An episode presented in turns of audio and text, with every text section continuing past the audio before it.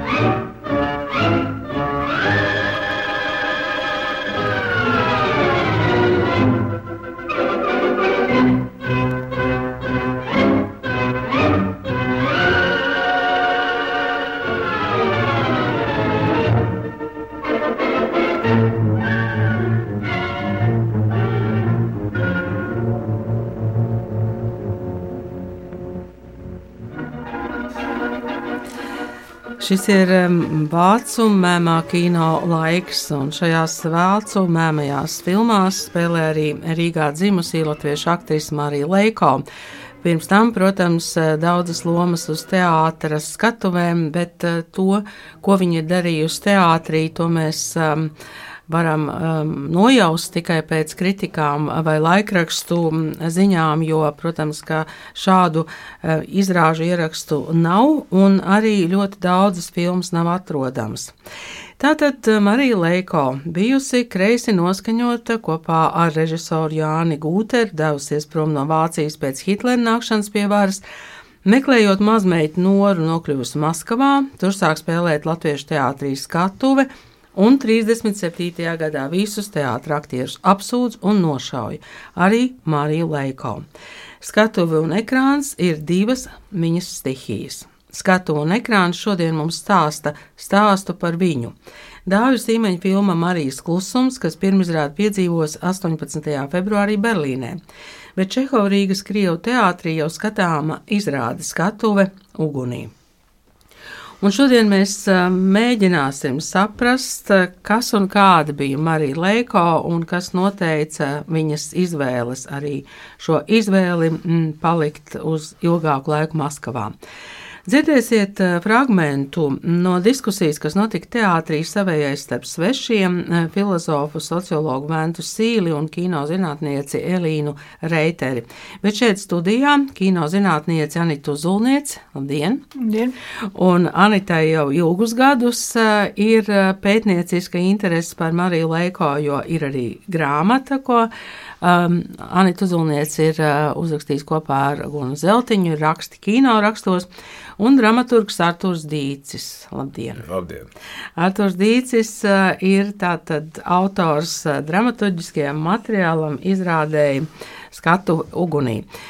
Šī Marija Leiko, kas šobrīd uznāk uh, gan uz teātra skatuves, gan, um, gan uz ekrāna, liek uzdot diezgan daudz jautājumu par viņas pašas personību, par um, to viņas um, sociālo sabiedrību, kurā viņa dzīvo, gan, uh, gan Vācijā, gan, uh, gan Maskavā.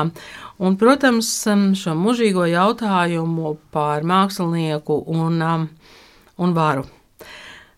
Artur, uh, no kāda punkta jūs sākāt radīšanu izrādēji? Es sāku, godīgi sakot, tieši kā Resprieks, ka arī autori ir klāt no šīs grāmatas par Mariju Leiko, e, jo tas bija pirmais vienkārši teātris, teātris, Čeho teātris nāca ar iniciatīvu un nu, par to, ka taisīt izrādi par Mariju Leiko un par šo te teātra skatu. Un es sāku vairāk, protams, no to stāstu šķetināt no Marijas Leiko personības, bet nonācu līdz tam, ka ka es sapratu, ka vispār šis šobrīd, šajā brīdī, tas stāsts ar teātris skatuve ir, manuprāt, ļoti būtisks šim konkrētajam laikam, tāpēc es caur Mariju Leiko nonācu līdz teātrim skatu, un tad, jo mana luga skatu ugunī būtībā nu, ir, nav tik ļoti, nav, tas nav stāsts par Mariju Leiko, tas ir tas stāsts par teātri, kurš, kurš tika iznīcināts. Anita, kā jums šķiet, kāpēc eh, šobrīd ir tik liela interese par Mariju Leiko? Tātad jau vismaz eh, divos eh, tādos ļoti nopietnos mākslas darbos. Nu, tāds pilnīgi Marijas laiko bums iznāk, vēl būs, vēl būs tre, trešais variants. Es viss materiāls ļoti liels kaudzes atdevu Kristīnai Žēlvei, kur veido dokumentālu filmu. Tā kā būs vēl. Tā tad vēl trešais. Jā, ja? vēl trešais. Bet eh, es domāju, ka nu, arī mm, tās situācijas pasaulē dēļ, un tiešām, kā tu teici, eh, mākslinieks un vāra, un arī visi kāri, viss, kas notiek šodien riņķī apkārt, es domāju, tas arī kaut kā ir, ir to interesi radījis un pastiprinājis, un grib, gribas noskaidrot to mākslinieku situāciju un mākslinieku iespējas varbūt kaut kā to ietekmēt, ja bija iespēja trūkuma, tāda bezspēcība varas priekšā.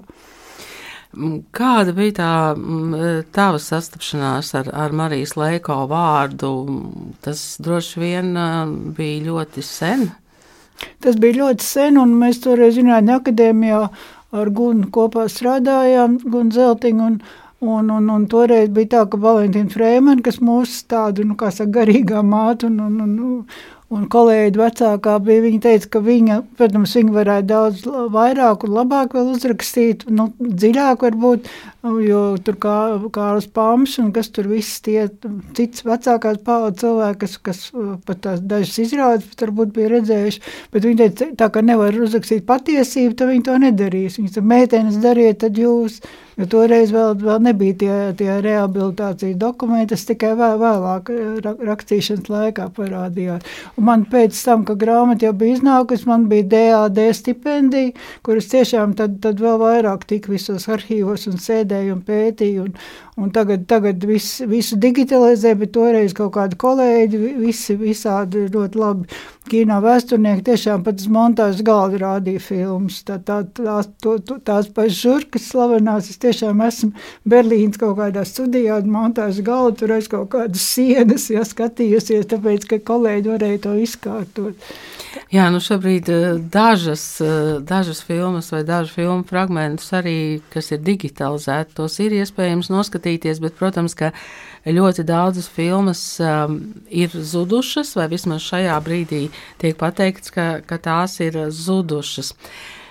Kāds ir tas brīdis, kad uh, Marija Leiko mm, iebrauc uh, Maskavā? Tur vairāk kārt tiek teikts, ka no viņai jau tā aktrises karjera laikam ir beigusies ar tādu ironiju. E, tā bija, piemēram, man bija tā sajūta no visa, ko es uh, lasīju, man bija sajūta, ka nu, jā, viņa, viņai šeit arī jau bija kaut kāds tāds noriets, jo sanāk, ka pēc kritikām arī kritikas paliek pret viņu it kā ar vienu tāds asāks. Un, e, un tas bija laikam tā galvenā lieta, ko es sapratu, kāpēc. Nu, tie, jo sākotnēji viņi tiešām gribēja aizbraukt, paņemt mazmeitu un braukt atpakaļ un vienkārši satiekot tur nu, man tāds satiekot to glāznieku, Glazanovu, kas ir tā, tas teātris, principā, nu, īsti patrons un uh, radītājs. Nu, viņai, viņai piedāvā tomēr. Nu, to, Es neesmu bijis, bet ko man stāstīja, ka tas, piemēram, dzīvoklis, ko viņai piedāvā, tas ir labs, liels dzīvoklis Maskavas centrā, un tas piedāvā pietiekami komfortablus dzīves apstākļus un noteikti iespējas realizēties. Mūsdienās Es domāju, nu, es pats kā aktieris, piemēram, iedomājos, aizbraucot, tajā brīdī tev piedāvā, tajā brīdī vēl tu jau nezini, kas tā ir pa vāru, tu nezini, kas tur notiek tajā mirklī, konkrētajā Maskavā, kas briest. Tev liekas, ka tā ir vienkārši metropola, kurš šobrīd attīstās super ātrumā. E, jā, bet e, Anita, tu esi taisni pētījusi tos viņas uzskatus, e, jo, jo te nu mēs nevarētu tā pateikt, ka viņa tur kaut ko nesaprata vai viņa nezināja. Viņai tā aizraušanās ar šo kreiso līniju jau ir kopš piektā gada, ja es pareizi saprotu. Nu jā, tā ir viena puse, bet pret to, ka, ka piedāvāja dzīvokli vai ko, vai kā tā tiešām bija, bet pret to, kādēļ viņi palika, es tomēr gribu iebilst, jo viņi tiešām pierunāja, viņi tiešām pierunāja, palika kādu laiciņu tajā skatuvē un drusciņu, drusciņu paspēlēt. Uz, uz, nu, viņi vienkārši ar to mazmeitu uh, no Belisī savādāk nemaz nevarēja atbraukt, kā tikai caur Maskavu un, un ar mazu bērnu, vienkārši viņai tajā brīdī pieda, nu, pierunāja viņu pa, palikt skatuvē un paspēlēt. Es domāju, ka viņa, ka viņa par to tajā brīdī tā viņas aizraušanās. Kaut gan nu, tas fakts, ka viņa tajā puškina gada jubilejā tur lasījusi Kčādājevu un,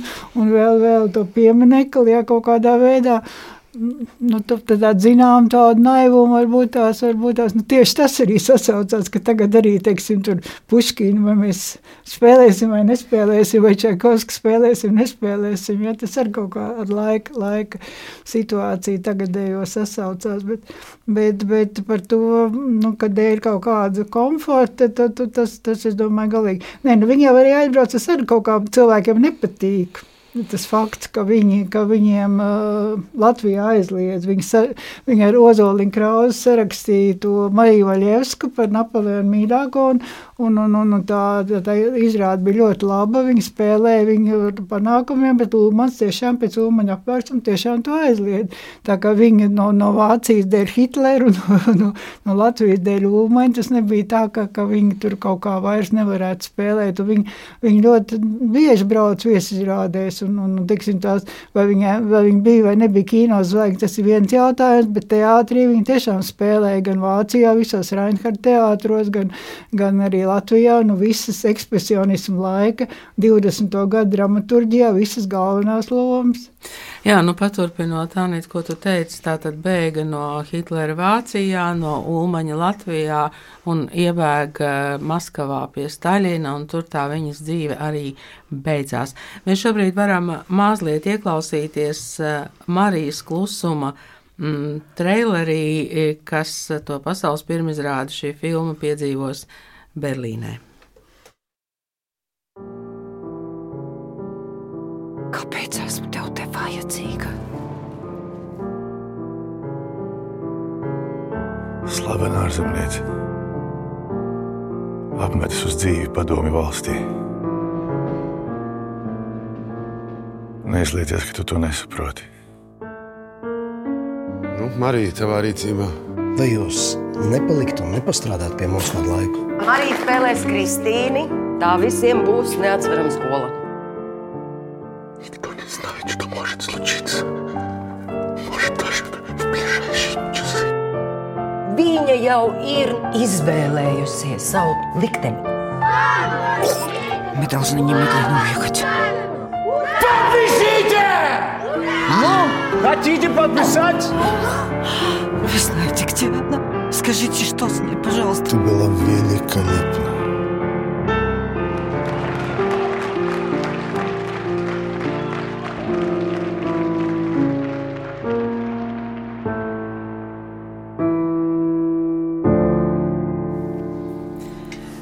Protams, gaidīsim, kad eh, filmu Marijas klusums varēs eh, redzēt arī Latvijā, un tad droši vien būs nākamā saruna ar režisoru Dāvi Sīmanu, bet šeit šodien studijā ir kino zinātniece Anita Uzulniece un eh, dramaturgs Artūrs Dīcis.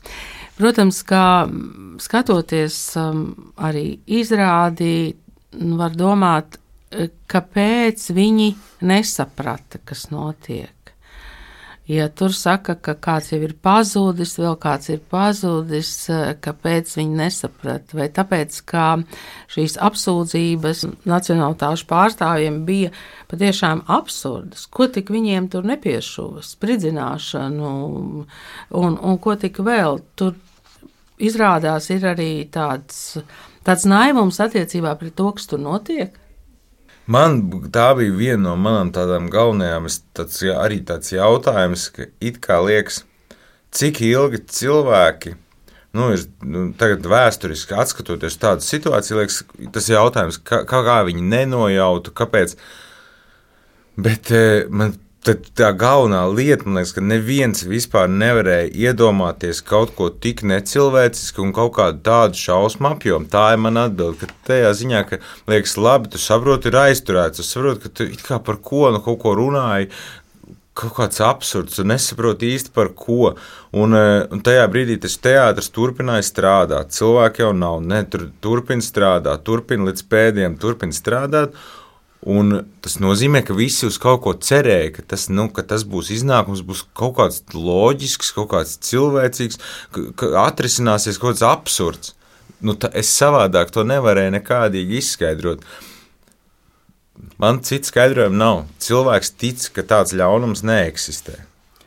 Bet, bet kā jūs domājat, vai tajā nu, lūgas, jūs lūgas pirmajā daļā, vai cilvēki tādi neiesvētīti, ja, kas nav, nav iedziļinājušies, vai var to saprast, kāpēc jāaizvieto, kāpēc, nu, nu teiksim, nu, ka tas nevis, ka viņi pa jaunu iesudē lūgu, bet ka tā jau ir lūga, kas ir repertuārā, un ka trūkst tie aktieri, un ka viņi ir apcietināti. Skaidrs, ka es negribu Nojaust. izstāstīt, eh, jā, es nes, nemēģinu izstāstīt to vēsturisko situāciju. To pēc tam katrs var, ja rodas interesi, apskatīt. Man bija man tas pirmais cēliens, priekš manis tieši ir tāds. eh, Tāds mākslas, nu, mākslas ceļš, mākslas iespējami rīki, kā mākslinieki mēģina kaut kādu ar tām savām sajūtām, ar savu priekšnojautu, ar savu ļaunu, ļa, kaut kādu ļaunumu priekšnojautu, tai pašā laikā ar saviem mākslas ideāliem, mēģina interpretēt un saglabāt izrādi līdz pēdējiem, nenojaušot, ka tūlīt, tūlīt ir pavisam sāksies pavisam cita izrāde, kurā viņi jau būs tikai tādi mazi kauliņi. Es pats iedomājos, kā mēs, piemēram, teātrī, mēs arī sēžam tur galda periods un cīnāmies. Tas ir domājis to autors vai domājis to. Savā starpā rodas konflikts. Viens interpretē tā, otrs tā.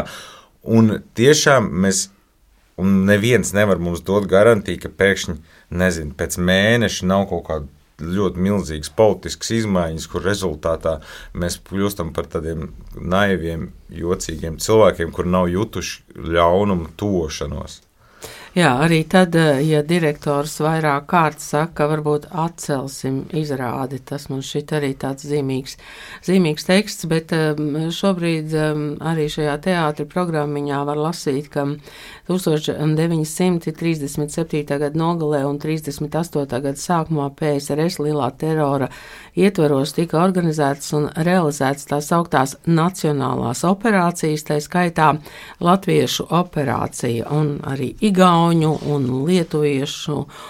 Tātad, jā, tas um, ir bijis. Uh, Tas ir bijis liels, plānots notikums. Bet eh, šajā brīdī varbūt um, pārcelsimies mazliet atpakaļ uz, uh, uz Vāciju, uz uh, Mariju Leiko, kur spēlē uz teātra un kino skatuvēm. Um, Anita, kā jūs viņu raksturotu kā aktrisi, cik nu tas ir bijis pieejams? Redzēt, protams, viņa tikai filmās un daudz fotografijās eh, no teātras izrādēm. Nu, ļoti tāda mm, ekspresīva, varētu teikt, tāda izkāpināta. Un tās, tās kritikas, ko es esmu šur un tur citējusi, ka viņi tiešām kā tāda ārkārtīgi skaista, tāda, tad tas teiciens Bildšēna Marijā laikā uz dem Deutschen Theater. Pirmkārt, tas Deutsches Theater, Reinhardt teātris bija nu, tāda marka, ja, kas uzreiz jau daudz ko deva arī viņai kā, kā, kā kino, kino aktrisei, un, un tiešām ārkārtīgi skaista un ārkārtīgi spilgta. Um, pat tām lomām, kur viņi viesojās Latvijā, te jau daudziem arī pat bija nu, tas viņas izkāpinātais spēles stils, pat tā kā likās pa daudz, un to, to pat kaut kā kritizēja. Bet filmās, es domāju, uf, kā arī tajās recenzijās ir, ka viņi uh, prata panākt to tēlu tajās labākajās ar, ar diezgan tādiem minimāliem līdzekļiem, bet, bet tomēr tas, tas, tas uzrunāja. Mēs šobrīd varam paklausīties, um, ko Čehovā teātrī diskusijā svešais starp savējiem teica kino zinātniece Elīna Reiter. Viņa nodala um, teātra aktrisi Mariju Leiko un kino aktrisi Mariju Leiko. Nu, protams, ka šajā gadījumā, arī gadījumā par Mariju Leiko, lai atbildētu, kāda viņa bija aktrise, ir jānošķir divas lietas. Tātad, ka viņa strādāja Vācijā um, un pēc tam arī Latvijā teātrī, un Vācu kino, uh, Vācu māmajā kino viņa arī ir darbojusies. Um, Un te ir tāda ļoti interesanta situācija, ka, protams, teātris liecības nav iefilmētas. Um, tā, tāpēc mums ir jā, šajā gadījumā ir jāpaļaujas uz eh, teātra kritiķu, viņas laika biedru, kolēģu atmiņām. Tā skaitā tas, kas ir publicēts par to, kad viņa 20. un 30. gadu un 30. gadu sākumā uzstājās Latvijā, ļoti aizrāvušas šīs viņas viesizrādes gan skatītājs, gan kolēģis, un arī vācu tātad lit šajā teātra presē mēs varam pārliecināties, ka viņa bija patiešām ļoti, ļoti talantīga, ļoti laba aktrise. Marija Leiko um, 1905. gada revolūcijas un tālāko notikumu rezultātā, un šajā laikā viņi iepazīstas ar arī jau revolucionāru Jāni Gūteru. Viņi abi ir, pārņemti ar šīm um, uh, jaunajām idejām. Uh, iet, ir leģenda, ka viņa pati ir šuvusi sarkano karogu un tam līdzīgi, bet Gūters ir spiests bēgt, jo viņam draud arests. Ja? Un, un viņi bēg vispirms uz Kopenhāgenu, un pēc tam viņi 1908. gadā ierodas um, um, Vīnē. Un Vīnē vispirms tātad Jānis Gūters, un pēc tam arī Marija Leiko iestājas um, karaliskajā uh, kā tur teātros, mākslas akadēmijā, um, un studēja divus gadus aktieru mākslu.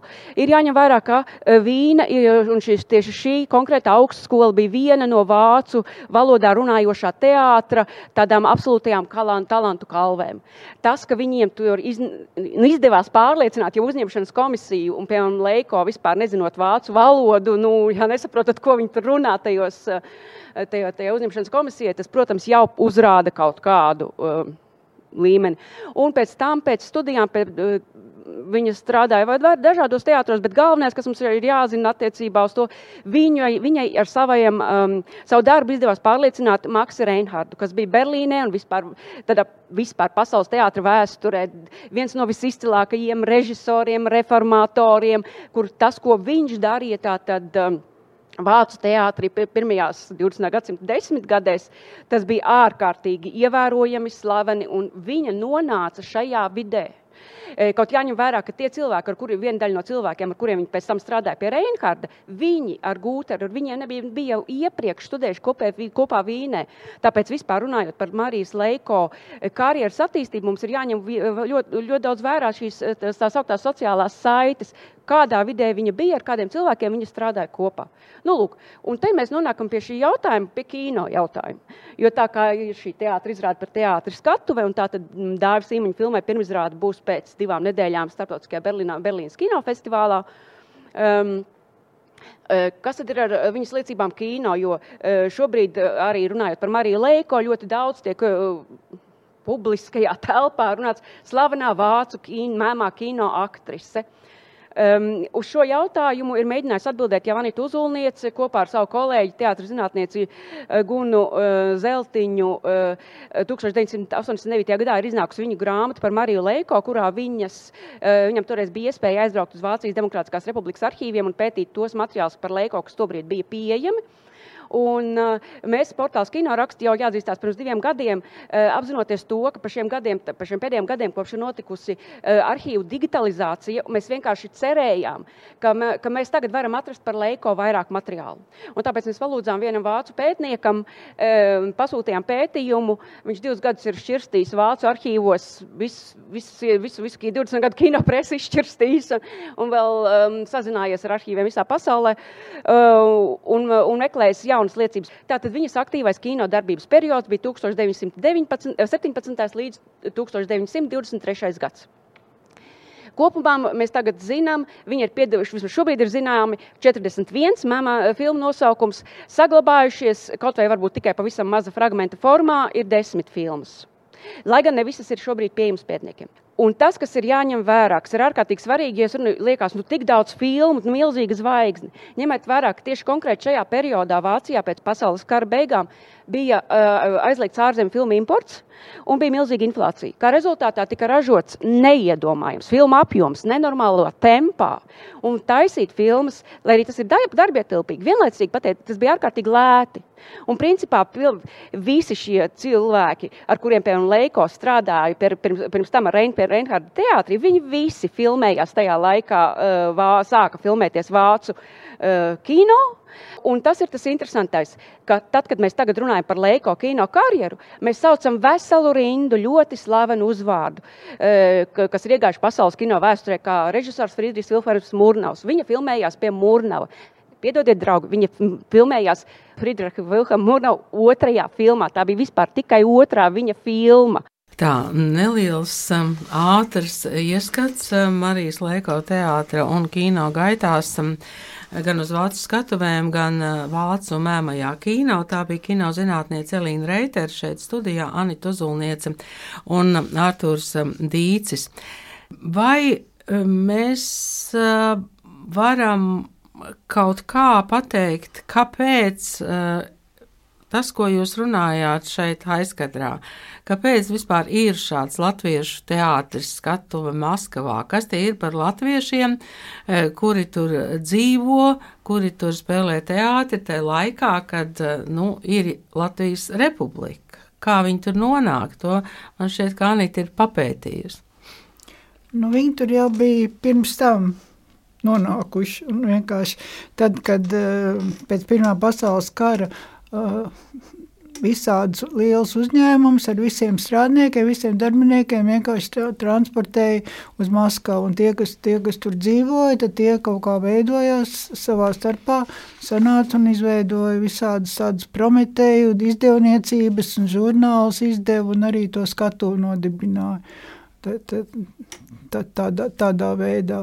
Bet daudziem jautājums, kāpēc ir neatkarīga Latvija 18. gadā, kāpēc viņi nebrauc atpakaļ? Tas vēl tāds atklāts jautājums paliek, bet es domāju, tas nav tik vienkārši, ka tu jau, jau, jau iesakņojies un, un strādā un, un dzīvo, tur nemaz nav tik vienkārši par tiem senākiem laikiem, tur Krišānu Valdemāru un Krišānu Baronu, tur nebrīnās visi tik ļoti, kas studēja un dzīvoja un tā un tā, bet par šitiem kaut kā ļoti visu laiku tas jautājums uzpeld, nu kāpēc viņi tur sēdēja tajā Maskavā, ja tur tik slikti? Nu, pirmkārt par to Staļīnu ka tas izvērdīsies līdz tādai pakāpei. Tiešām man liekas, ka nenojaut nevienu.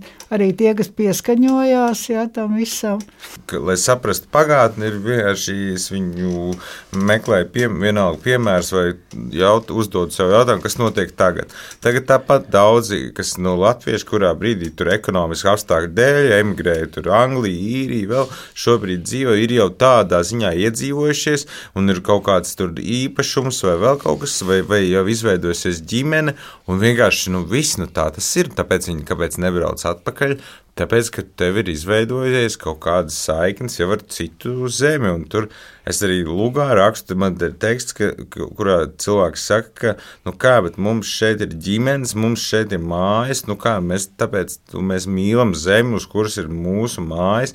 Jo mēs mīlam cilvēkus, nevis kaut kādu nu, to, ko neviens nezināja, par ko pārvērtīsies e, Padomu Savienība.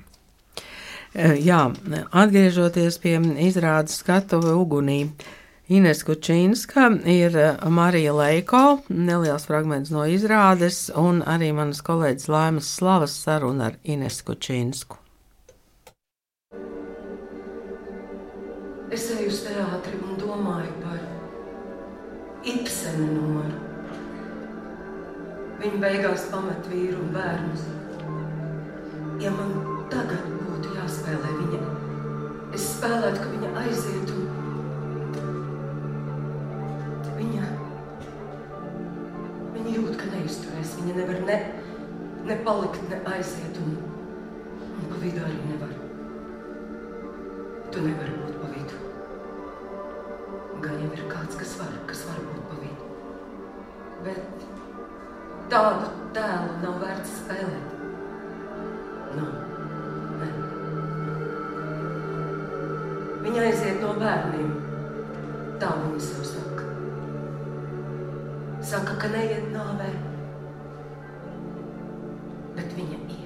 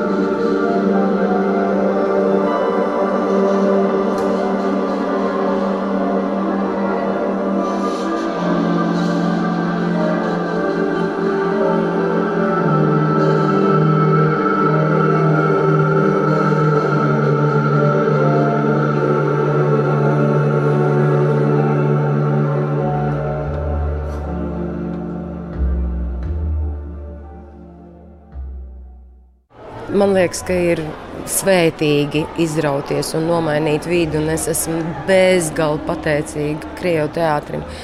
Vienkārši ārkārtīgi pateicīga par silto uzņemšanu, par kolēģialitāti, par, par iespēju šeit būt uz viņa brīnišķīgās skatuves.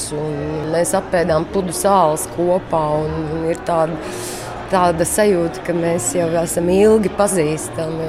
Mēs daudz ansambļu ietvaros, mēs daudz runājām. Kad es pie Dāvijas īmeņa filmējos, es arī iepazinos ar, ar faktiem, cik bija pieejami manis, lasīju. Tas ir tik ļoti prātam neaptverams, ka grūti šodien pirmizrāde bija tāda īpaša, jo ir visu to cilvēku bojājis gada diena. 3. februāris, un, un tas kaut kā tāda neredzama saikne pēkšņi, un tas viss trāpīja tā pa īstam un, un dziļi. Un pēc izrādes baigais nogurums. Ne mēs lecam, ne mēs tur ampelējamies, dejojam, kā, bet tā emocionālā pieslēgšanās tam faktam, tam notikumam, to cilvēku dzīvē pēdējos mēnešus, tas atstāja, atstāja iespēju. Jā. Jums arī svarīgi domāt par Marija Leiko nonāca Maskavā, kāpēc viņa tur bija un kā tas viņas radošais mūžs tā noslēdzās. Es par to es tiešām es domāju, un man, es nevarēju atrast atbildi uz to jautājumu, kāpēc kāpēc šī talantīgā būtne Eiropā pazīstama, slavena, ar mājām Latvijā, ar kontu bankā. Ko viņa darīja tādā dieva aizmirstajā zemē, es tiešām es, es nevaru to atbildēt. Man pat iestudējuma laikā man, man likās, nu, kāpēc tu te esi? Vienkārši tev vajadzēja bēgt, bēgt no tā ārprāta. Jā, nu, tas, tā laikam paliks tāda mīkla. Kādēļ jums vēl klāt ir šīs divas citas sievietes, aktrises? Kā tas konceptuāli gulās? Tas ir režisors Lauris Grozas un uh, dramaturga Artur Dīča izgudrojums. Tā. Tas ir tāds Marijas Leiko, kā mēs saucam, pagarinājums, viņas dvēseles šķautnes, viņas sargeņģeļi Tad, kad viņai pašai nav spēka pieņemt lēmumus, tad uh, divējādās puses personības, es saku tādas personības šķautnes. Jā. Bet jūs kā aktrise varējāt šajā lomā arī sniegt, es domāju, gan Ibsena tēlu, gan Blaumaņa varoni Kristīni. Tā man dīcis bija uzrakstījis. Bet Leiko, jā, Leiko spēlēja Kristīnu savos 50 gados. Toreiz jau vecumam bija, kā lai tu saki, cits atskaites punkts. Šobrīd ir tā nežēlīgāk, bet tad jau aktrises varēja izspēlēties uz nebēdu līdz pusmūžam. bet ja mēs mazliet pieskārāmies arī Dāvis Sīmaņa filmai, tad uh, savukārt tajā jūs esat uh, šajā asjas uh, lācis lomā. Kas mainās uzreiz, esot režisorei? nu, teiksim, ambīcijas ambīcijas, mugurkauls, dzelžaina griba, vēlme pierādīt par um, kuru katru cenu. Tā, jā. Nu, teātris, protams, ir, manuprāt, lai man piedod visi kino ļaudis, bet um, teātris, manuprāt, ir tā dzīvā māksla. Te, diemžēl mirklīga māksla. Kino tomēr paliek iemūžināts, bet uh, teātris ir tas dzīvais mirklis šeit un tagad. Un, un ar to tas ir brīnišķīgs, un, ar, un tāpēc es to arī ļoti mīlu būt teātrī. Un arī šeit šī skatuve, es domāju, šeit uz Čehova, Rīgas Krievu teātra, arī šī skatuves skatuve bija tāda īpaša. Kā jūs uz tās jutāties? Brīnišķīgi. Mums ir izcili mākslinieki, un priekškars vēl ir ciets tad var just, ka tur tādi gariņi staigā un, un kas gaida aktierus uz skatuves, lai mēs izstāstītu šo stāstu. Tā aktrise Inese Kučīnska, kur um, Čehova Krievu teātra izrādē skatuve ugunī, uh, ir Marija Leiko, savukārt Dāvis Īmaņa filmā Marijas klusums viņa ir Asi Lācis. Un um, mēs, protams, varētu iet vēl pa daudzām citām tām sāņu, mm, sāņu personām un, un runāt par Jāni Gūteru, par kuru es pieļauju arī nemaz tik daudz nezinu. Eh, tad runāt par um, asjulācis, par ko mēs gan esam diezgan daudz runājuši, bet tomēr tur arī ir daudz neatbildētu jautājumu. Un, protams, arī jautāt, kas ir Osvalds uh, Glāznieks vai Glazunovs. Tātad tas ir šīs um, aktieru kopas uh, teātras skatu vadītājs. Jums kaut kas par viņu ir zināms, nu, piemēram, kas ar viņu ir noticis pirms tam Ne, par viņu bija, tur bija daudz, tādā ziņā strādāt pie šī materiāla. Tur bija daudz, tie, kā jūs teicāt, sāņu e, varoņi, kuri, kuri godīgi sakot, būtu katrs pelnījuši savu dziļāku, man liekas, tādu pētījumu, vai, dzi, nu, jo, tie, nu, piemēram, tam glāzniekam, glaznotas stāsts, vispār, nu, tā taču tur, tas ir filma, uh, filmas vērts stāsts, un ko es uzzināju, ko teica tie e, bija žurnālisti, divi, kas e, Maskavā arī šo ten, arī tādā ziņā ir pētījuši teātris skatu un to likteni, un viņi bija uzzinājuši to, ka glāznieka Glazunova dēls kaut kādos cik vēl gadus nu, atpakaļ tur se, netik sen nomiris un nomiris Latvijā sanāk, ka viņš, tas, tas bija, man liekas, tas, nu, interesantākais. Tāds viens no faktiem, jo, lai ar kā to varētu to personību glāznieku glazno vērtēt, bet, ja, piemēram, viņš tam visam cauri dabūja savu dēlu, man kā, piemēram, divu dēlu tētim, liekas, nu, vecīt, nu, ko darīt, visu cieņu. Jo tas, kas viņa tas stāsts, es saku, viņš ir nu, pamanījās spēlēt tur Krievijā, tad viņš pamanījās vācu laikā atbēgt šeit un spēlēt, zinu, un taisīt izrādes un Jālgavā un vēl pēc tam, un saprot, un ja tiešām tas viņa beigas ir tāds, ka viņš ir tajā arestā un tur un izveidojis savu teātri, braukā apkārt pa tām ieslūdzījuma darba nometnēm, spēlējot teātri un uz sliedēm saplīst mašīna, notriec vilciens, tad tad tur ir, nu, es nezinu, tur ir e, tiešām filma. Tur tā daudz da, dažādas ētiskās dilemmas vienā cilvēkā. Ļoti uzņēmīgs cilvēks viņš ir bijis tāds. Jā, tā viņš tāds mazliet šeftmanis, jā, tāds tomēr pie visa tā radošuma. Nē, nu, nu, nē nu, a, a, tas ir cilvēks ar milzīgām darbspējām. Nu, kā viņš to izveido, to teātri. Paralēli viņš tur Vahtango teātrī tur arī milzīgi tur pats spēlē, pats režisors, pats teātris studija. Tad, at, un tajā brīdī, kad ir tiešām tie krīzes, tie situācijas, viņš kaut kādā veidā nav pierādījumu, kādā veidā, bet viņš pamanās izlīst caur adacaci vienreiz, caur adacaci otrais, jo esot bijis viņam par to, ka viņš no Krievijas aizmuka uz Vāciju, esot bijis izdots rīkojums pie aizturēšanas nošaut. Un e, viņš šo ten Bet tad, kad viņu aizturēja, kad Krievijā ja, ja atkal paņēma Latviju, aizturēja, viņu nenošauja un viņu aiz, nu, ieliek, un tad attiecīgi viņš nodibina to teātrīt savu. Tur ir un, gan kaut kas aizdomīgs, gan tāds abrīnas cienīgs. Gan, jā, apus. vienā cilvēkā tieši mm. precīzi. Eh, jā, un jūsu izrādē arī Osvalds ir pietiekami kolorīts eh, Mārtiņš Vilsons. Redzēji, ja? Tā ir jāspēlē Edgars. Tikai tā. Ja viņš kaut ko prasa, viņš gaida atbildi, viņam nav tukšu darbību. Nu, kas ir ko? Redzēji, kas ir puikas abies, vai? Viņš uztraucās par lomu. Я не беспокоюсь про роль, я беспокоюсь за то, что Яна опять не приходит. Es saprotu, es saprotu, par ko tu uztraucies. Bet, ja tu kaut čut-čut pietuvosies Marijas līmenī, tad viss arī tu būsi zvaigzne. Jā, Paldies. А, так, Роберт, мы можем поговорить? Мы можем поговорить. Tev bija nulle no Edgara. Tas ir Alderīts. Edgars ir pavisam cits. Demons. Kas ir direktors? Ko? Netiec ar teātri galā, ja? Vazāt te savu ģimpi pa dēļiem un piedē aktiec, ja? Redzēji? Tas bija tāds iekšējais monologs. Tā es jau sagatavoju un tad mauc ārā. Starp citu, direktori, man ar tevi ir viena nopietna runāšana. Mm -hmm. Jūti? Kārlīt, jūti, jā? Ja? Nu, paņem to arī kaut ko personīgi, personīgi kas tev sadusmo. E, tev nekas nesadusmo. Edgars ir dusmīgs. Viņš redz, ka turpmāk tā ilgi vairs nevarēs. Viņš ir čālis ar tērauda mugurkaulu, saproti? Labi, jā. Jā, Jā, jā, jā. Ugunī, tas, kas Jā, jā, jā, jā, darās. jā. Mhm. Jā. Mārtiņš Vilsons um, izrādē ir Osvalds, uh, bet uh, nu jau uh, tuvojoties redzījuma izskaņai, mēs pieminam šeit um, daudz um, dažādu literatūru, daudz uh, dažādus digitālus resursus, ko var vēl skatīties, klausīties klāt.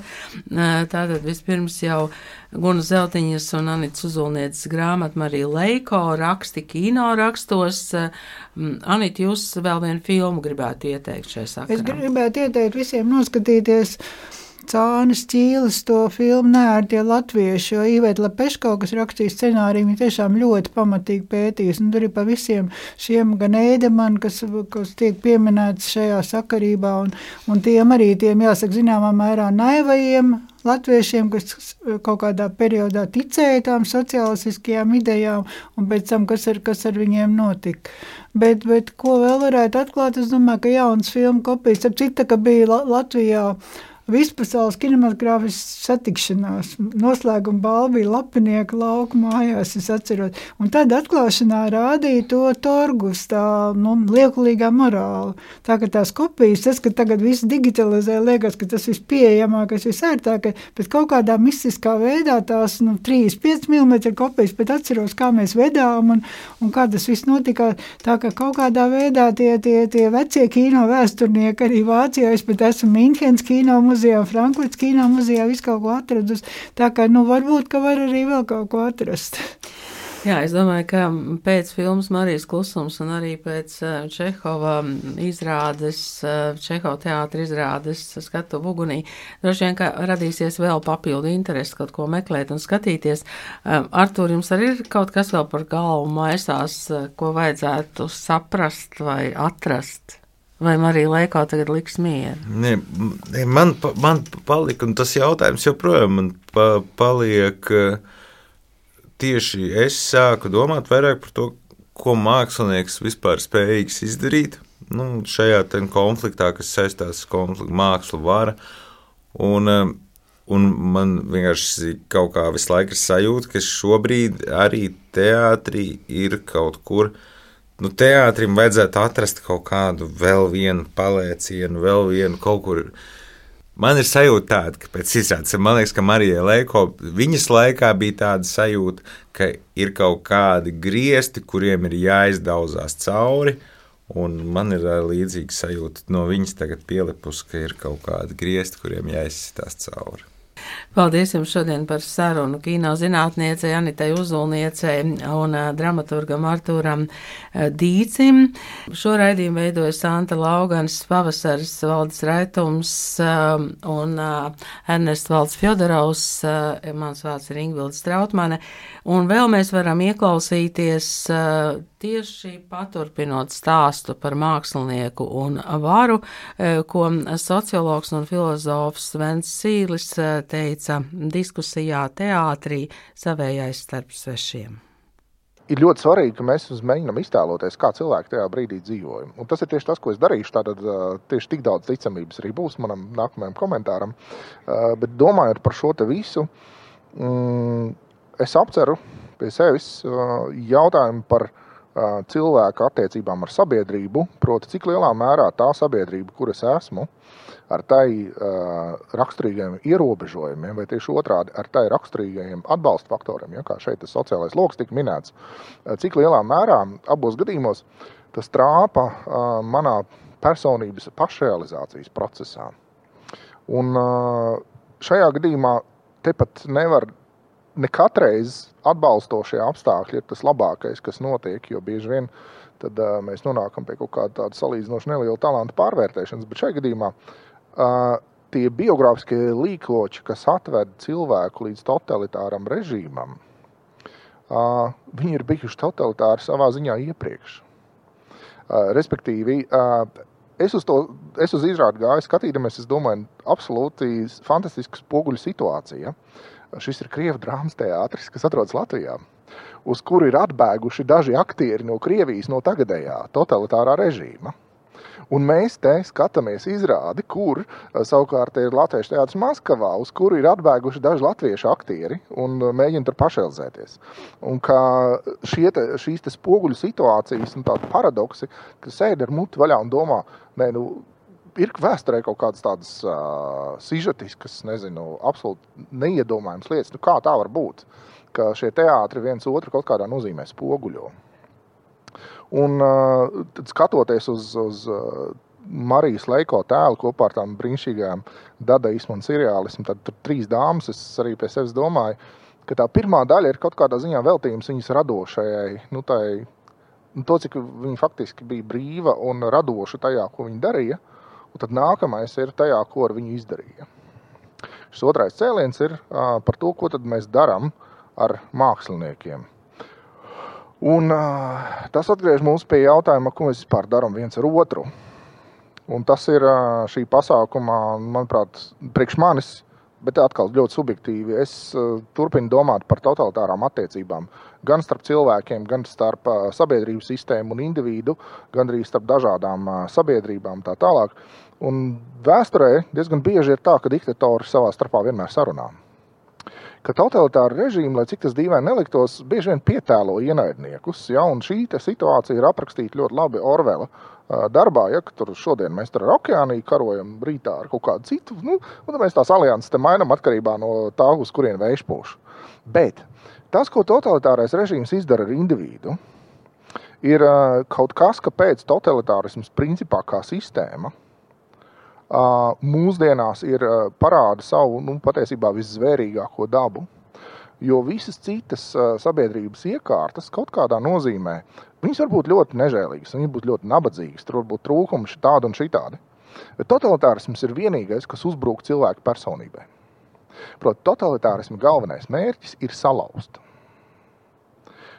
Un pēc tam ar to salauzto izdarīt visu, kas vien ienāk prātā. Ja? Tātad totalitāru režīmu mēs atpazīstam pēc tā, ka tur nav iespējama nec personība, nec personības brīvība, nec vārda brīvība, nec kas vēl svarīgāk, pat ne tādā nozīmē jūtu brīvība, nu, ka, ka tajā brīdī, kad notiek nu, faktiski simboliska Marijas nonāvēšana.